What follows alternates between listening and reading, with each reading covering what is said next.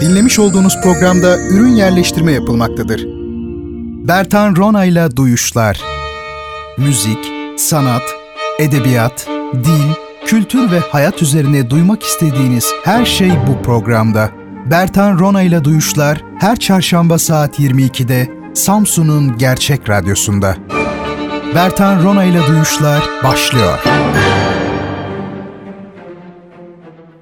Efendim duyuşlardan merhabalar. Hepinizi sevgi ve saygıyla selamlıyorum. Nasılsınız? Görüşmeyeli iyisinizdir inşallah. Eskiden İstanbul beyzadelerinin ya da hanımefendilerinin söylediği gibi nicesin, hoş musun, safaca mısın diyelim biz de çok değerli dinleyicilerimize. Efendim Bertan Rona'yı dinlemektesiniz. Duyuşlar programı başlamış bulunuyor. Ben Deniz bildiğiniz ya da bilmediğiniz üzere bu programı sizler için hazırlıyorum ve her hafta çarşamba gecesi saat 22'de Radyo Gerçek yayınında sunmaya çalışıyorum. Bugün 14 Temmuz 2021 çarşamba bu kaydı da düşmüş olalım ve konumuza hemen geçmeden önce e, sosyal medya hesaplarımızı duyuralım. Efendim Twitter'da ve Instagram'da hesabımız Bertan Rona şeklindedir. Hem Twitter'da hem Instagram'da. Ayrıca daha ziyade etkinlik duyuruları yapmak istediğim ama bir türlü e, beceremediğim bir başka hesabım daha var. O da Rona Bertan şeklinde. Onu düzenleyeceğiz inşallah. Çok uzun zamandan beri hayalim sürekli bunu söylüyorum ama bir türlü e, başaramıyorum. Belki biraz benim dağınık olmamdan, belki de zaman bulamayışımdan kaynaklanıyor efendim bu durum. Ee, onun dışında bizlere ulaşmak isterseniz, e, uzunca yazmak isterseniz bertanroma.gmail.com elektronik posta adresini kullanabilirsiniz. E, Twitter'da ve Instagram'da mesaj kutumuz dışarıya açıktır. Siz değerli dinleyicilerimizin, takipçilerimizin, bazen de izleyicilerimizin artık YouTube'da da varız çünkü bir biçimde bizlere rahatlıkla ulaşabilmeleri için o kanalları kapatmamayı ben uygun gördüm. Yetişebildiğim kadarına yetişiyorum. E, pek çok mesaj alıyorum her gün. Elimden e, gelecek bir şey varsa özellikle yardım talepleriyle ilgili, destek talepleriyle ilgili elimden geleni yapmaya çalışıyorum. Ee, okutmaya çalıştığımız e, birkaç öğrencimiz var. Aslında an itibariyle tek bir öğrenciye düştü bu. Herhalde biraz ekonomik şartlar dolayısıyla. O konuda da e, bir öğrenci kardeşinizin eğitimine katkıda bulunmak isterseniz, bir üniversite öğrencisi kardeşinizin lütfen bizlere ulaşın. E, duyuşların eski bölümlerini nerede bulabileceğimizi sıklıkla soruyor insanlar. SoundCloud'da bulunabilir, Spotify'da bulunabilir, YouTube'da bulunabilir, Deezer'da bulunabilir. Bu platformlardan e, duyuşların eski bölümlerini dinleyebilirsiniz çok değerli dinleyicilerim.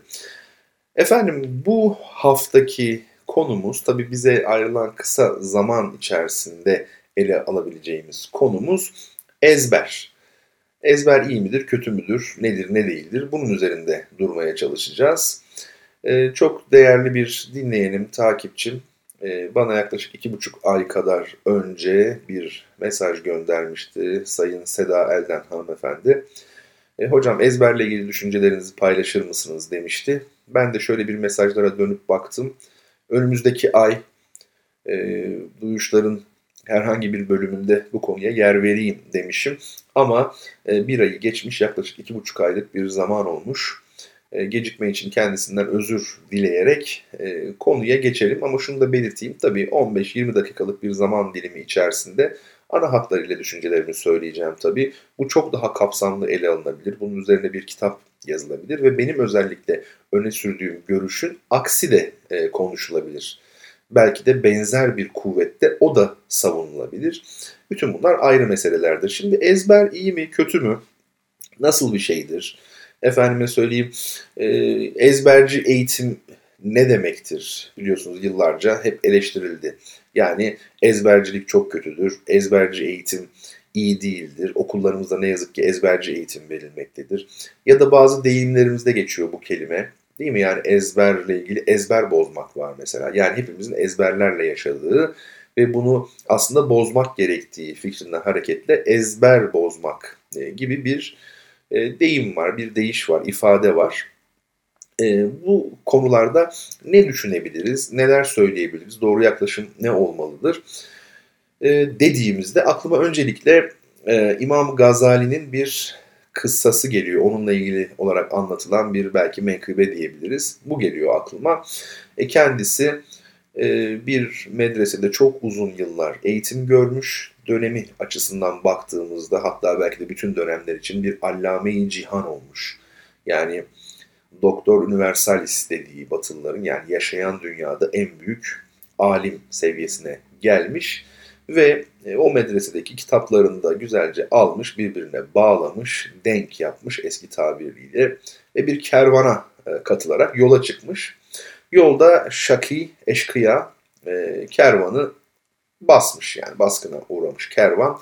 Çevirmişler, herkesi soymuşlar. Altın, para yani değerli ne varsa tabii eşkıya, harami bunları toplamış. Fakat Gazali e, kitaplarını vermek istemiyormuş. El yazması kitaplar tabii o dönem itibariyle. Vermek istemiyor bu kitaplarını. Eşkıyalar uğraşmışlar falan bakmışlar ki adam çok e, dirençli yani asla vermek istemiyor. Her şeyi göze alarak karşı koyuyor. Şaşırmışlar ve harami başına gitmişler. Demişler ki bu adam kitaplarını vermiyor. E, getirin demiş. Bakayım kimmiş bu neyin nesiymiş. E, getirmişler Gazali'yi harami başının önüne. Harami başı demiş ki ya bu kitaplar bu kadar değerli mi? Yani senin canından daha mı kıymetli böyle direniyorsun? Ya seni öldürselerdi ne yapacaktın filan demiş. Gazali de şöyle yanıt vermiş. Demiş ki ya bu kitaplar sizin içinize yaramaz. Siz bu kitapları ne yapacaksınız? Bunlar maddi olarak da değer taşımazlar, satamazsınız da. Oysa demiş ben yıllarımı verdim bu kitaplardaki bilgiler için. Bunları okudum medresede. Uzun yıllar, belki 30 yıl. Ee, efendim o noktada Harami başı şaşırmış. Ne yani demiş şimdi bu kitapları biz senden alsak bütün o kafandaki bilgiler uçup gidecek mi? Yani o eğitimin boşa mı gitmiş olacak? Tabii Gazali şaşırmış o sırada. Ve Harami başı küçümsemiş Gazali'yi. Şöyle tebessüm etmiş ve adamlarına dönüp demiş ki bırakın ya demiş bu alim falan değil demiş. Alim olan adamın bilgileri uçar mı elinden kitapları gitti diye. Yani alim kişi kitapları olmadan da alimdir değil mi? Bırakın demiş verin kitapları ne yaparsa yapsın. Ve söylendiğine göre bu e, Gazali Hazretlerine dokunuyor, çok dokunuyor ve düşünüyor, harami başını haklı buluyor. E, o medreseye geri dönüp, kendi eğitim aldığı medreseye geri dönüp bütün bu bilgileri bu defa ezber olarak yani kendi aklına yerleştirerek, kendi tabiri caizse vücuduna yani varlığına her şeyi de yerleştirerek e, yıllar sonra tekrar o yola çıkıyor. Tabi burada e, anlatılan İmam Gazali mi başkası mı tartışılır. Biliyorsunuz benzer menkıbeler, e, meseller başka isimler üzerinden de anlatılabiliyor zaman zaman. Farklı versiyonları da oluyor. E, bizde bunlar çok önemli değildir. Anlatılmak istenen şey önemlidir. Ben bunu çok çok çok saygın, itibarlı, çok değerli bir e, alimden açıkçası dinlemiştim. Dolayısıyla e, oradan aktararak sizlere söylemiş oldum ama isimler önemli değil. Gazali olur, başka bir isim olur. Burada önemli olan şey e, hadisenin anlatmak istediği. Nedir o da? E, kağıt üstündeki bilgi, yazılı bilgi ve ezber arasındaki farklılık, benzerlik ya da ilişki meselesi. Ezber kelimesi çok değerli dinleyenlerim e, kalp demek aslında. Aslına bakarsanız yani Farsça kökenli bir kelime, eski Farsça bildiğim kadarıyla ve kalp. Şimdi kalple ne ilgisi olabilir ezberin? Tabii akleden kalp dolayısıyla bir ilgisi olabilir. Şunu unutmayalım, e, kadim medeniyetlerde, kültürlerde, anlayışlarda ve bizim dinimizde de böyledir. Düşünmek insan kalbinin bir hassası olarak değerlendirilmiştir ve o bakımdan da hep göğüsle ilişkilendirilmiştir düşünmek. Biz senin sadrını açmadık mı, temizlemedik mi? Yani burada bir anlamda düşünceni, e, fikrini berraklaştırmadık mı? Her türlü efendime söyleyeyim perdeden arındırmadık mı? Yani biz senin kalbini temizlemedik mi? Derken elbette orada düşünce kastediliyor temel manada. Hani sadırlara yerleşmesi ya da ahir zamanda Kur'an'ın hafızların sadrından uçup gitmesi. Bu hep hafıza anlamına da gelir.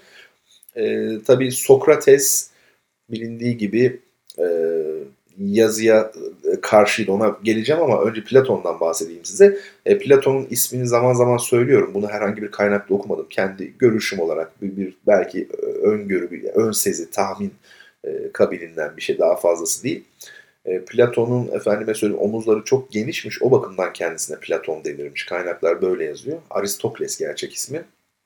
Ve atletik yapısından geniş omuzlarından dolayı Platon geniş demek.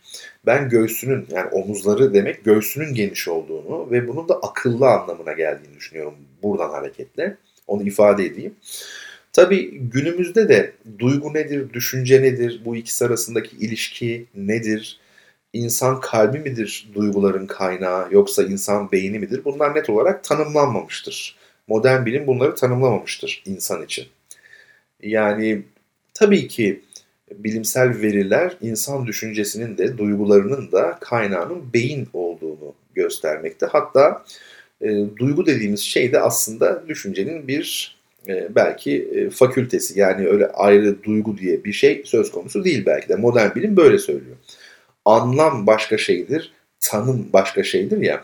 Yani e, modern bilimin aslında e, tanımlayamadığı, adını koyamadığı, anlamlandıramadığı pek çok şey var. Yani bu tabii çok çok çok büyük bir konu başlığı, derin bir konu başlığı. Bu konuşulabilir. Modern bilim neden sorusunu e, süpürgeyle süpürdü adeta kendi alanından. Onun yerine diyor ki ben nasıl ile ilgilenirim? Yani ben mesela evrenin, kainatın neden e, var olduğuyla ilgilenmem diyor. Bu dinin ve felsefenin alanıdır diyor. Sadece nasılla ilgilenirim diyor.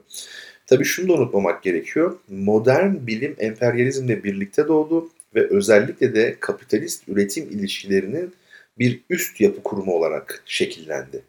Yani modern bilim, sekülerite, laiklik bunların tamamı altta yatan serbest pazar ekonomisinin üzerinde şekillenmiş şeyler.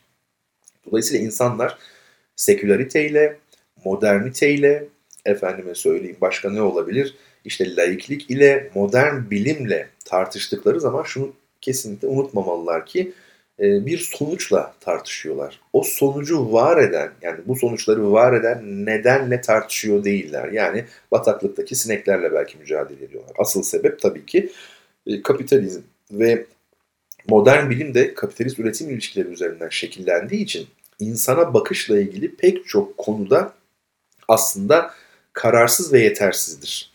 Şimdi bilmek diyoruz yani bilmek nedir? Bilmek elbette ki pratikten aslında kaynaklanır. Yani teori pratik ilişkisidir bir çeşit. Biz bilgilerimizi pratikten ediniriz genellikle. Ve e, bana kalırsa bilmek bir şeyin nedenini, onun amacını bilmektir. Hani diyor ya Yunus Emre, ilim ilim bilmektir. Yani ilim ilmin ne olduğunu bilmektir. Amacının ne olduğunu bilmektir. Bir şeyin nedenini bilmiyorsanız o şeyi bilmiş olmazsınız. Yani bir şeyi gerçekten e, bildiğinizin kanıtı onun nedenini bilmenizdir. Sebeplerini bilmenizdir. Mesela e, İkinci Dünya Savaşı döneminde e, varoluşçuluk akımı, Camus, Sartre onlara göre özellikle Camus'a göre bu hayat, bu dünya son derece absürttü.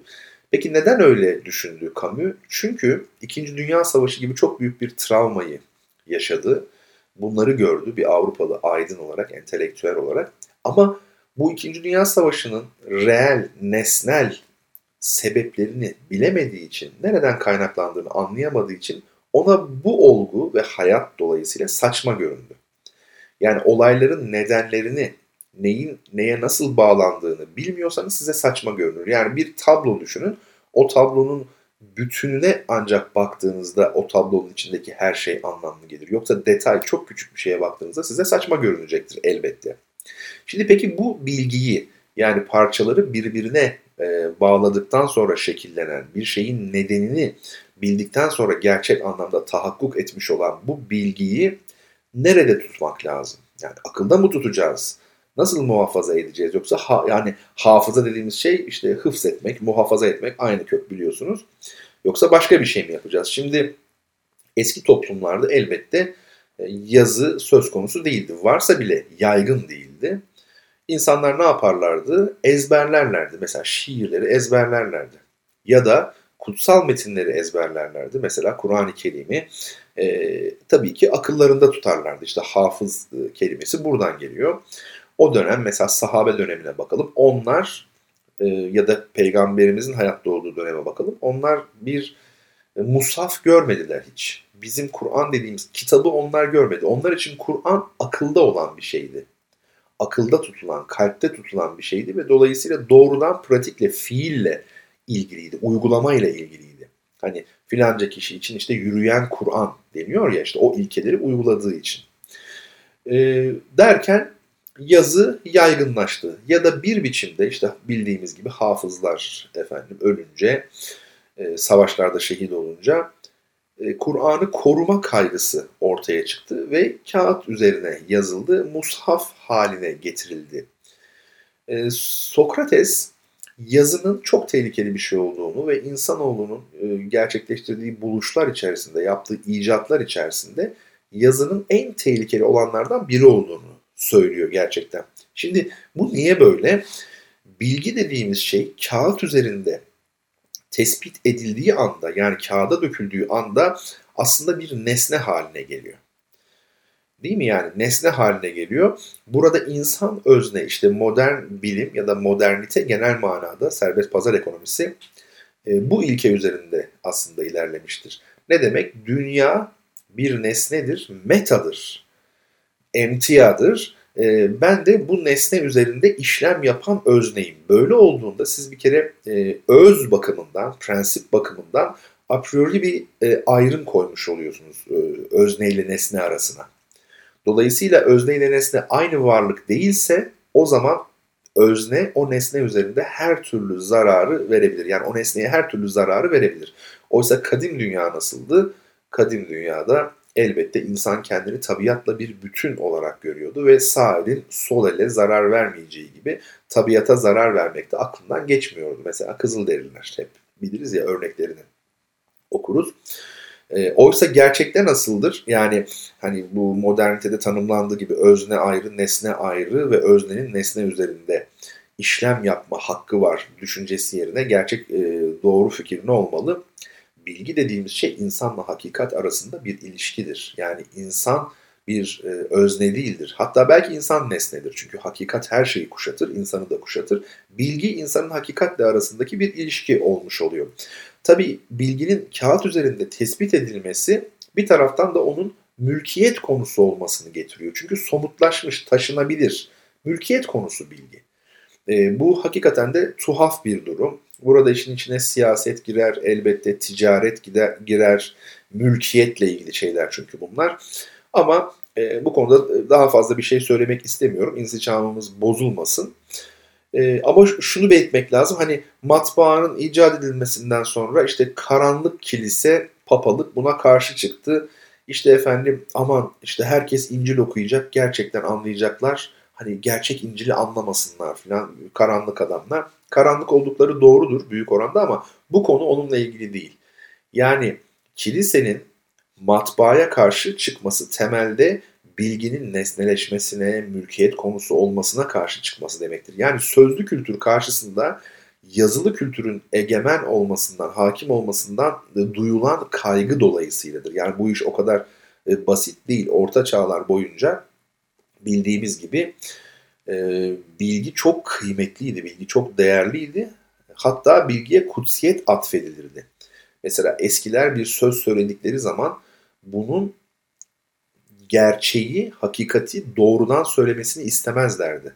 Gizli bir şekilde söylemesini isterlerdi. Bunu ancak anlayanlar anlasın isterlerdi. Yani bir manada çok değerli bir taşı mesela bir örtüyle birlikte e, ortaya koymak gibi. Zarar görmesin, halel görmesin diye. Mesela işte meşhur Aziz Agustinus diyor ki başkalarının günahlarıyla aziz olamazsın. Bu ne demektir? İşte başkalarının günahlarına bakma sen kendine bak. Yani ahlakçı olma ahlaklı ol. E, başkalarının hatalarını görerek sen yükselemezsin gibi bir manası var elbette. Ama bu işte örtü. Gerçekte kıymetli olan başkalarının günahlarıyla aziz olamazsın. Ancak kendi günahlarınla aziz olabilirsin. Yani insanı yükseltecek şey günahlarıdır. Çok kıymetlidir günahlar bu anlamda. İnsanı doğru yola sevk edeceği için, sevk edebileceği için yeter ki sen ne yap? Bunu değerlendir. Şimdi başa dönecek olursak e, Gazali'nin hikayesine dönelim. Bilgi eğer bizde ise e, o zaman herhangi bir şeyi anlatabiliriz. Yani o konuda ezberimizin olması, o konuda gerçekten bilgimiz olmasını gösterir. Şöyle düşünün. Mesela diyelim ki size şöyle bir şey söylense, işte e, ne olsun? Bir şair düşünelim, Edip Cansever mesela. Edip Cansever'in şiirleriyle ilgili, sanatsal daha doğrusu edebi kimliğiyle ilgili bize bir saatlik bir sunum yapın, bir konuşma yapın. Şimdi bunu ortalama bir insan, bizler öyle diyelim, değil mi? Kolaylıkla yapamaz. Bizim neye ihtiyacımız var? Pek çok nota, işte efendim belki projeksiyona yansıtacağımız bazı resimlere, notlara, konu başlıklara, görüntülere ihtiyacımız var. Efendim notlardan okuruz. Çünkü bu alandaki bilgimiz işte yetersiz. Bakın gördünüz mü? Burada kağıda yani ezber olmayan bilgiye başvurmak zorunda kaldık. Ama bir edebiyat hocası, bir edebiyat profesörü, bu alanda son derece donanımlı biri ya da bir başka şair Edip Cansever'le ilgili hiçbir hazırlık yapmadan, hiçbir not kullanmadan 5 saat konuşabilir. Bu neyi gösteriyor? Onun gerçekten bildiğini gösteriyor. İşte ezber meselesi budur. Bu kadar basit. Ee, eskiden öyleymiş yani Serahsi büyük imam, çok büyük alim biliyorsunuz. Kuyuya e, hapsediliyor bir ceza olarak ve en ünlü eserlerinden birini bilmem kaç ciltlik bir eseri uzun bir zaman dilimi içerisinde aşağıdan öğrencilere e, dikte ettirerek yani bağırarak, söyleyerek yazdırıyor. Kendi öğrencileri e, kuyunun etrafında toplanıyorlar. Hocaları kuyuda. O oradan söylüyor ve yazıyorlar. Onlarca ciltlik belki bir eser. Çok uzun zaman içerisinde oluyor bu. Peki kuyuda ne var? Yararlanabileceği bir şey var mı Serasi'nin? Tabii ki yok. İşte öyle bir birikim. Bakın ezber örneği. Peki ezberci eğitim yok mudur yani? Ezber bu kadar kıymetliyse madem ezberci eğitim e, nedir? Şimdi ezberci eğitim vardır tabii ki. Anlamadan, herhangi bir bilgiyi anlamadan tam olarak, nedenlerini bilmeden şablon olarak ezberlemek ezberciliktir. Yani bir öğrenci şunu söyleyebilir mesela işte Mirya Kefalon Savaşı 1176 yılında olmuştur. Mirya Kefalon Savaşı 2. Kılıç Arslan'la Haçlı ordusu arasında olmuştur. Sandıklı Kütahya Çivril arasında olmuştur. Bakın bunlar benim ortaokuldan kalma bilgilerim. Şu an aklıma geldi söyledim. Ama bu mudur bilmek gerçekten? Yani ben bunu unutabilirdim. Değil mi? Gerçek manada bilmek bu değil. Sebeplerini bilmek, bir tarihçi gibi işte bir saat konuşabilmek, o konuda bilgi sahibi olmak budur. Yani tamamen aklınızda olmuş olacak. Zaten şunu söyleyelim, birbiriyle bağlantı kurmadığınız e, konulardan elde ettiğiniz ve nedenini bilmediğiniz bilgiler aslında gerçek anlamda bilgi değildir. Bunlar informatiktir, hatta datadır. Yani Mozart'ın 1756 yılında doğmuş olması ne ifade eder? 1746'da da doğabilirdi, 1758'de de doğabilirdi. Aslına baktığınızda bu bir data sadece. Tek başına bir bilgi. Mozart şu eseri besteledi, şuraya gitti, bunu yaptı, şunu yaptı. Bir kişi bunları ezberleyebilir. Mesela benim yanıma gelebilir, karşıma çıkabilir. Ama benim kadar Mozart'ın bilebilir mi? Yani bir müzik dinlediğinde 10 saniyelik bir müzik. Aa bu Mozart, bu Beethoven diye ayırt edebilir mi? İşte gerçek bilgi o. Bakın yine nerede? Yine akılda. Bu önemli. Bizim tabii okullarımızda çok uzun yıllar hala öyle ne yazık ki ezberci eğitim ön planda oldu. Yani nedenlerini öğretmeyen eğitim. Oysa öğrenci bunu anlayabilmeli, olayların nedenlerini açıklayabilmeliyiz. Bakın bugün tarih denilen bilim ve bu alanda yazılmış kitaplara bakın. Çok ciddi kitapları saymıyorum ama genel anlamda sadece olayları anlatır ama bunların neden olduğunu anlatmaz. Mesela işte diyelim ki Romanos Diogenes, Roman Diogen diye bildiğimiz işte Bizans imparatoru yani Doğu Roma imparatoru e, nasıl bir savaşın içerisine girdi Alparslan'la? Daha doğrusu bu Malazgirt Savaşı'nı zorunlu kılan şeyler nelerdi? Sadece göç olgusu mu? Yani Türklerin kendisine bir yurt araması mı? Batıya doğru yönelmeleri mi? E, yöneldilerse, diyelim ki biz bundan eminsek, efendim neden böyle oldu? Yani olayların gerçek anlamda nedenleri. Bakın tarih kitaplarında hiç ekonomik ilişkiler yoktur. Krallar, padişahlar, efendime söyleyeyim saraylar, savaşlar. Halk nerede? Halk yok. Oysa ki bütün o zenginliği var eden halktır. O savaşlarda kullanılan kılıçları yapan kimdir? Kim yaptı o kılıçları? Padişahın üzerindeki incilik haftanı kim yaptı mesela? Ya da işte efendim Roma imparatorlarının işte halkı selamladığı arenaları işte oradaki gladiatör dövüşlerinde iyi zaman geçirdikleri tabii başka boyutları da var. Bu tür arenaları, yapıları kim yaptı? Hiç bunlardan bahis yok. Köleci üretim ilişkileri üzerine kuruldur mesela Roma İmparatorluğu. Ama kölecilikten doğru düzgün bahis yok. O konuda bir bilgi yok. E ne? Şu savaş oldu. Bu böyle. Yani tarih böyle olamaz. Bunlar işte gerçek manada baktığımızda eleştirdiğimiz ezbercilik. Yani sebeplerini bilmeden bir şeyi e, bilmek. Bu kötü. Bilerek ezberlemek ise doğru. O bakımdan her zaman söylüyorum öğrencilerime çok kitap okumak e, konusunda biraz dikkatli olsunlar. Yani kitap konusu seçici olmayı gerektiren bir konu. Ben ne yapayım çok kitap okuyarak? Ya şöyle düşünün. Ben haftada bir kitap bitirsem, haftada iki kitap bitirsem, efendim bu yılda yüz kitap yapar. Ya zaten belli bir yaştayım. Allah ne kadar ömür verir bilemeyiz. Yani taş çatlası okuyacağınız kitap belli. O zaman seçici olmak zorundasınız. Zamanınız çok kıymetli.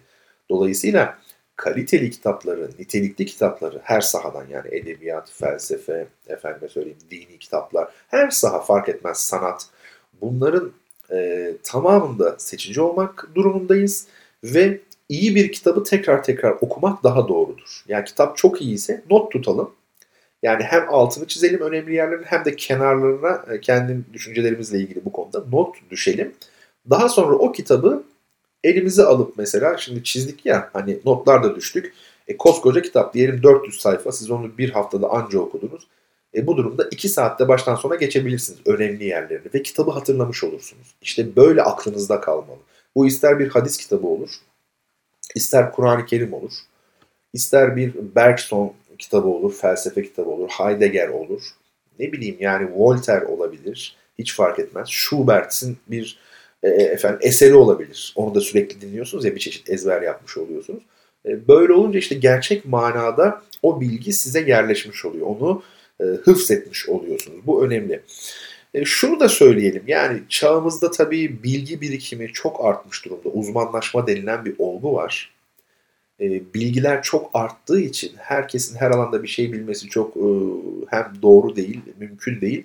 Hem de insanlar akıllarında çok zor tutuyorlar. Bu çağda hafızalar çok zayıfladı çünkü bırakın yazılı kültürü biz artık görsel kültür çağındayız. Dolayısıyla hani yazılı kültür itibariyle baktığımızda insanlar buna çok alıştılar. E, konuları da tam anlamıyla hıfzetmeye imkan yoksa yazılı kültür son derece önemlidir. Zaten e, bizim en büyük sorunlarımızdan biri herhangi bir konuyla ilgili olumlu görüş beyan edildiğinde onun karşıtının hemen olumsuz olduğunu zannedilmesi. Gençlerde bu hatayı çok görüyorum. Yani ben burada sözlü kültürü ve ezberi öven bazı şeyler söyledim. Ama yazılı kültür olmadan da biz bugüne gelemezdik. Yani yazılı kültür de çok kıymetli bir şey. Önemli olan bu ikisini birlikte kullanabilmek ama ne şekilde kullanacağını bilmek, ne oranda yani terkip ne olacak, ne oranda kullanacağız bunu bilmek. Bu son derece önemli. Yazılı kültür olmadan olabilir mi? Yani öyle değil mi? Ee, o açıdan baktığımızda ezberin ve sözlü kültürün yeri ayrı ve çok önemli. Bu çağda tamamen ıskalanmış durumda.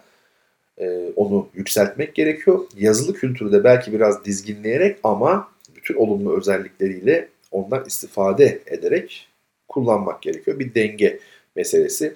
Bunu ifade etmek isterim. Evet, e, zamanımız sınırlı. Tabii bu konuda pek çok şey söylenebilir. Ama ana hatlarıyla söylediğim, e, dile getirmeye çalıştığım bu konu başlıklarının ben e, yararlı olacağını ve en azından belli bir yön göstereceğini düşünüyorum.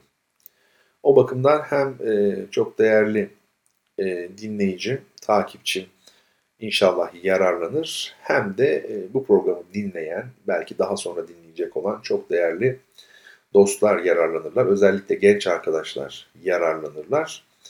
Ve dünya bir müddet güzelleşir öyle diyelim. Çünkü çok gerçekten büyük acılar var. Ne çok acı var diyor ya şair. E, onun gibi yani dünyanın hali e, perişan. Bundan nasıl çıkılabilir? Elbette bir uzun konu ama e, bizler özellikle böyle siyasetle falan ilgisi olmayan insanlar olarak kendi alanlarımızda, kendi çevremizde edebiyatla, sanatla, e, bilimle, efendim, felsefeyle, düşünceyle, dinle doğru, iyi, güzel olduğuna inandığımız ne varsa bununla hayatı zenginleştirmek, e, anlamlandırmak ve en yakından belki başlamak e, durumundayız. Allah bize bunu yapabilecek bir bilgi birikimi, bir gönül hoşluğu ve sabır tabii ki bu konuda nasip etsin.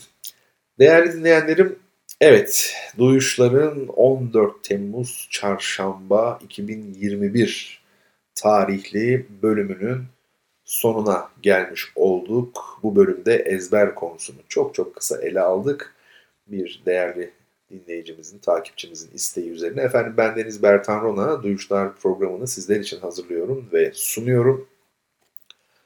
Vedalaşmadan önce sosyal medya hesaplarımızı bir kere daha söyleyelim. Twitter ve Instagram'da Bertan Rona hesabındayız. Elektronik posta adresimiz ise bertanrona.gmail.com Duyuşların bütün bölümlerini, eski bölümlerini birinci bölümden itibaren SoundCloud'da bulabilirsiniz. Hakeza Spotify'da, YouTube'da ve Deezer'da bulma imkanı da var. Efendim haftaya aynı gün ve aynı saatte sizlerle Radyo Gerçek'te birlikte olmayı diliyorum. O güne kadar hepinizi Allah'a emanet ediyorum. Esen kalın.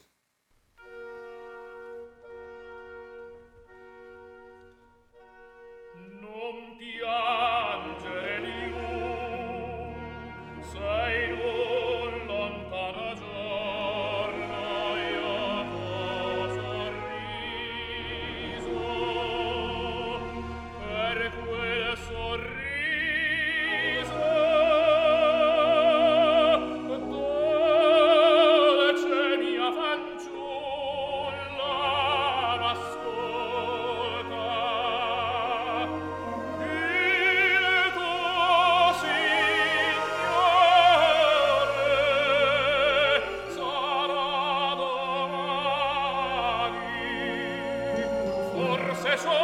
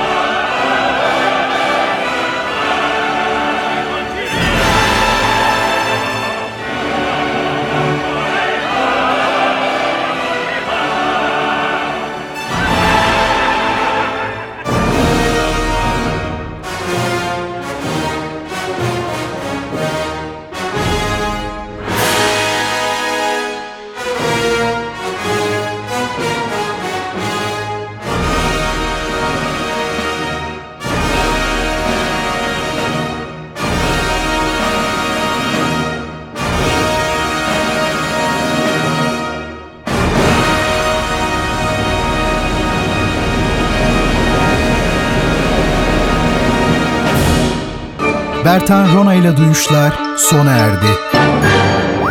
Bu program hakkındaki düşüncelerinizi dinleyen et radyogercek.com adresine mail atarak bize ulaştırabilirsiniz. Dinlemiş olduğunuz programda ürün yerleştirme yapılmıştır.